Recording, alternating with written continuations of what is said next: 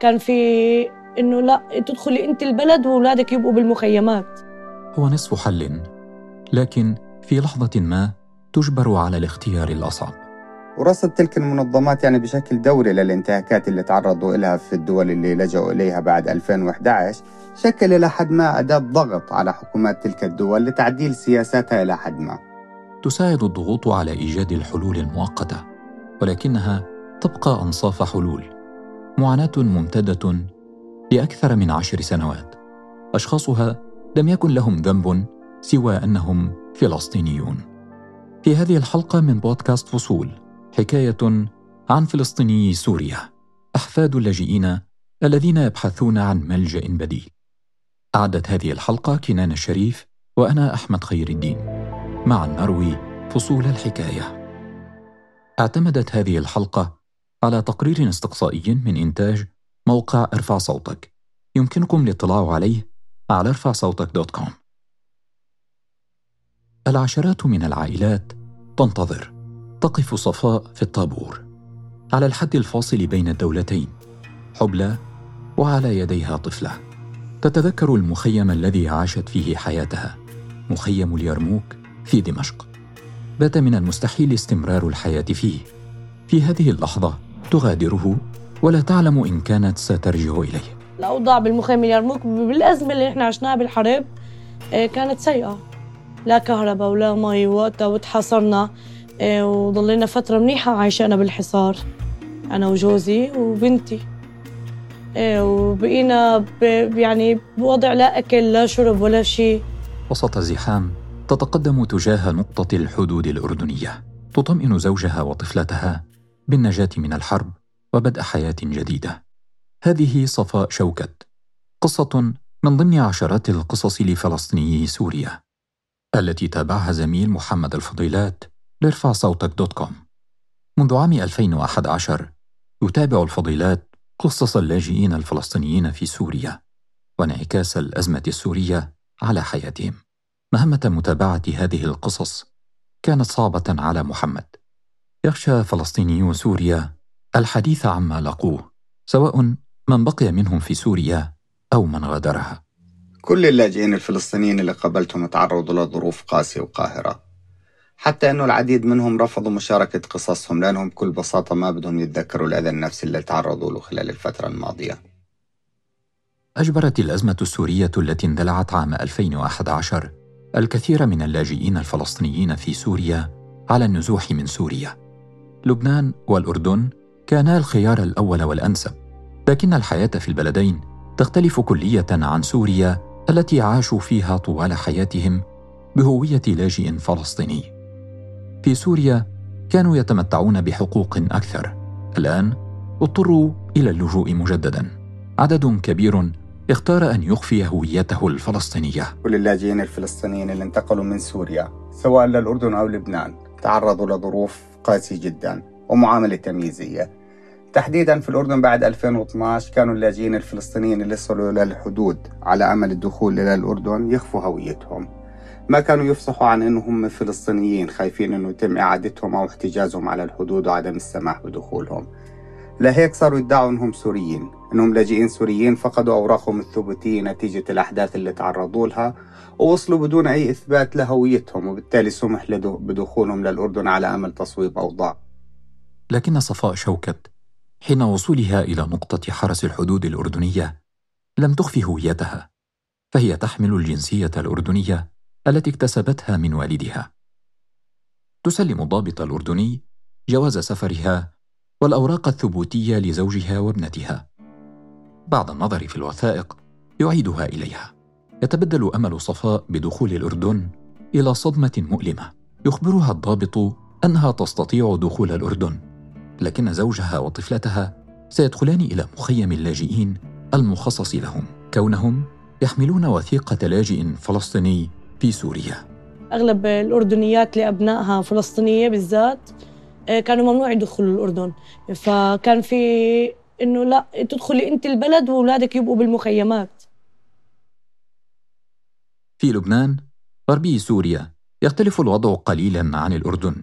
يمكن للفلسطيني السوري أن يقيم في مخيم للاجئين يستطيع الخروج منه مع حق الحصول على إقامة إنسانية تجدد كل ثلاثة أشهر بكلفة 200 دولار.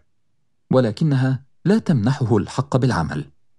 في لبنان ما كانش الوضع كثير أحسن من الأردن خاصة أن الوجود الفلسطيني من الملفات الشائكة في لبنان حتى قبل الأزمة السورية. مع اندلاع الأزمة السورية وآلاف اللاجئين الفلسطينيين اللي انتقلوا من سوريا إلى لبنان زاد الذعر عند اللبنانيين بأن الوجود الفلسطيني راح يشكل خطر على الهوية اللبنانية. أما تركيا التي تقع على الحدود الشمالية مع سوريا والتي لجأ إليها قرابة عشرة ألاف فلسطيني سوري تفاوتت الأوضاع القانونية فيها. استطاع جزء الحصول على الإقامة التركية المؤقتة الكاملك والجزء الآخر لم يستطع الحصول عليها. فكان عليه الحضور إلى مركز الشرطة بشكل يومي لإثبات إقامته في تركيا. هون بنقدر نحكي أن وضعهم تركيا كان مختلف كثير عن وضعهم سواء في الأردن أو لبنان. سمحت السلطات التركية بدخولهم. ما كان في عمليات ترحيل منظمة ضدهم أو حتى رفض لبقائهم على الأراضي التركية. لكن كان في مشكلة كبيرة اللي هي وضعهم القانوني الشائك. كان من الصعب إثبات صفة اللجوء بالنسبة لهم وبالتالي انحرموا من الكثير من المساعدات. كمان انحرم غالبيتهم من أنه يحصل على إقامة دائمة بتركيا لأنه هم بيتبعوا لمظلة الأونور واللي هي أساسا تركيا مش منطقة من مناطق عملياتها. أصبحت تركيا ممرا لمن اختار اللجوء إلى أوروبا بحرا. لكن صعوبة العيش في دول الجوار الثلاث لفلسطيني سوريا دفعت بالكثير من العائلات الفلسطينية السورية إلى التوجه إلى مصر. بحسب القوانين المصرية لا يمكن لأي فلسطيني قادم من سوريا الدخول كلاجئ. تمت معاملتهم كأي أجنبي يرغب في البقاء بمصر. يقول محمد فضيلات في تقريره إن مصر كانت وجهة لثلاثة ألاف لاجئ فلسطيني من سوريا. كل اللاجئين الفلسطينيين من سوريا اللي قرروا الذهاب لمصر بعد 2011 تم معاملتهم معاملة السياح أو الأجانب. وبالتالي فهم مضطرين يجددوا إقاماتهم السنوية كل سنة ويدفعوا كلف عالية من أجل تجديد الإقامات. كمان اضطروا يدفعوا كلف عالية من أجل إلحاق أولادهم في المدارس وتعليمهم. ما كان في أي جهة بتساعدهم بشكل منتظم أو بتقدم لهم مساعدات مالية أو حتى حماية قانونية. تسهل القوانين المصرية لصفاء شوكة وابنتها أن تستقر في مصر دون زوجها الذي لم يستطع مغادرة سوريا. فقررنا نطلع من سوريا ونيجي على مصر فهون جوزي حصلت معاه مشاكل ما قدر يطلع معنا بسوريا ما قدر يطلع معنا فكملت أنا وبنتي وكنت حامل بابني أنا طلعت من سوريا حامل بابني. ودخلت مصر بتاريخ 2013 8 3 2013 رغم امتناع الكثير من فلسطيني سوريا عن الحديث عن أوضاعهم في دول الجوار لم ييأس محمد. حاول لسنوات أن يدفعهم إلى الحديث. بعد عامين من استمرار الأزمة في سوريا بدأ الخوف يتلاشى وتحدث الكثير منهم لفضيلات عن صعوبة أوضاعهم في دول الجوار. انتشار قصص معاناة فلسطينيي سوريا في دول الجوار تغير قليلا من الوضع الراهن. هذه الدول بدأت تواجه ضغطا حقوقيا من منظمتي غوث وتشغيل اللاجئين الفلسطينيين وهيومن رايتس ووتش وذلك لتسهيل أوضاع لاجئي سوريا الفلسطينيين. غالبية الدول اللي استضافت اللاجئين الفلسطينيين القادمين من سوريا خاصة دول الجوار ما تحملت أي كلف مالية نتيجة الاستضافة من موازناتها الخاصة. جميع المساعدات التي قدمت سواء المساعدات المنتظمة أو المساعدات الطارئة لحظة وصولهم كانت من موازنات وكالة غوث وتشغيل اللاجئين الفلسطينيين أو من خلال الجمعيات الأهلية اللي قدمت تلك المساعدات. ليس فقط من نزح من فلسطيني سوريا إلى دول الجوار لاقى صعوبة في العيش. من بقي في سوريا وجد نفسه مضطرا لخوض صراع فرض عليه. منهم من اختار دعم المعارضة والنزوح إلى الشمال السوري.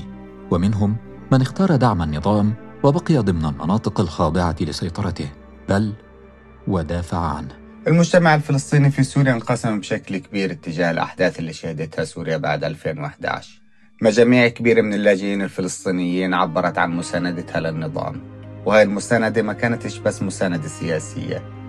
حتى أنه بعضهم شارك في عمليات القتال كونت ميليشيات من مقاتلين فلسطينيين من منظمات فلسطينية حاربت لجانب النظام ضد المحتجين. بالمقابل كان في هناك فلسطينيين كثار عبروا عن رفضهم لممارسات النظام وانحازوا للمواقف المعارضة لبقائه.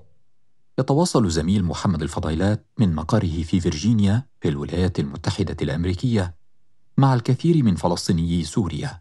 يجمع القصة تلو الأخرى.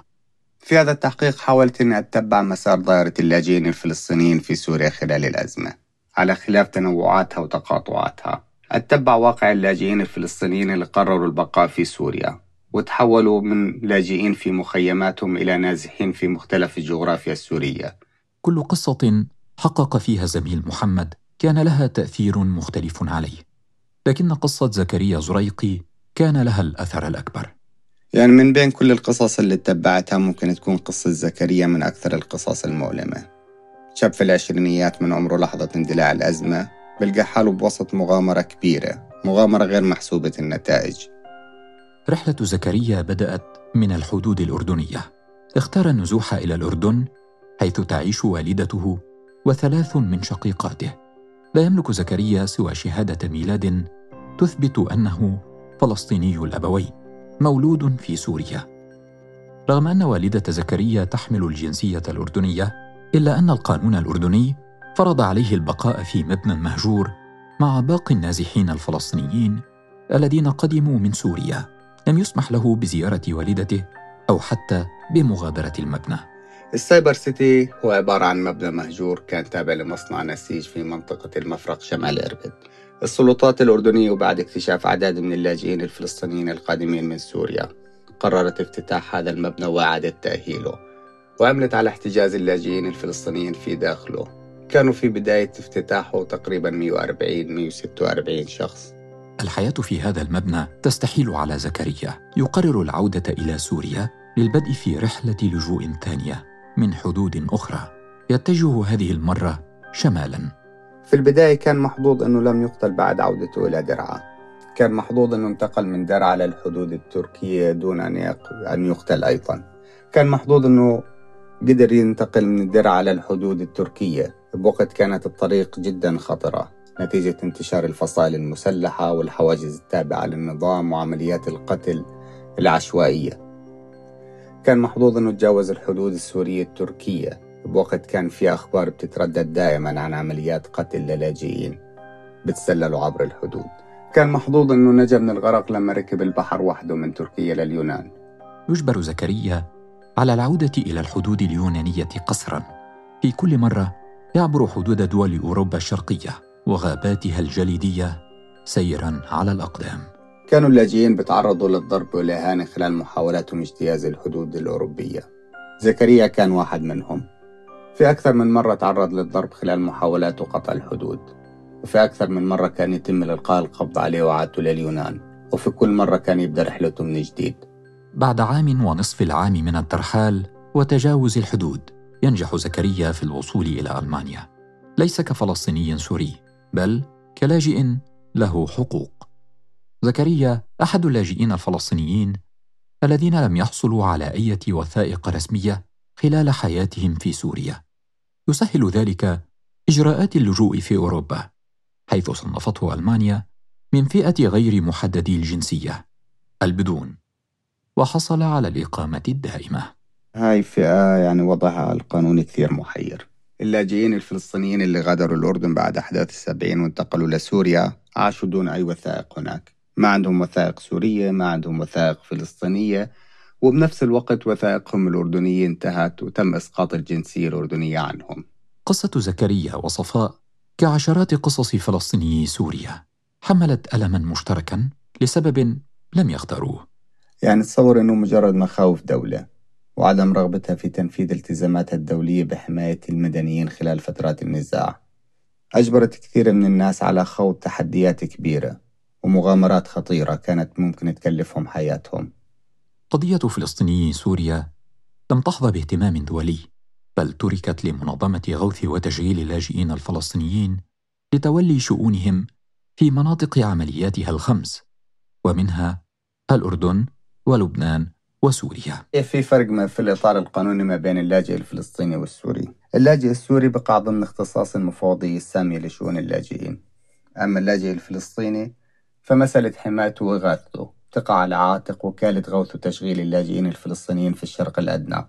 الأونروا ولكن الأونروا لا تملك حق إعطاء اللجوء الذي يحتاجه الفلسطينيون للعيش بشكل قانوني في أماكن تواجدهم وتسهيل حياتهم. تكشف إحصاءات رسمية حصل عليها موقع ارفع صوتك أن عدد اللاجئين الفلسطينيين الذين تبقوا في سوريا بلغ حتى أكتوبر من عام 2022 قرابة 42 ألفاً. وتكشف الأرقام لعام 2022 أن قرابة 30 ألفاً من فلسطينيي سوريا لجأوا إلى لبنان وتسعة عشر ألفاً للأردن وقتل حوالي ثلاثة آلاف فلسطيني على يد النظام السوري. هذه تحيات كنان الشريف من الإعداد وأنا أحمد خير الدين. معا نروي فصول الحكاية.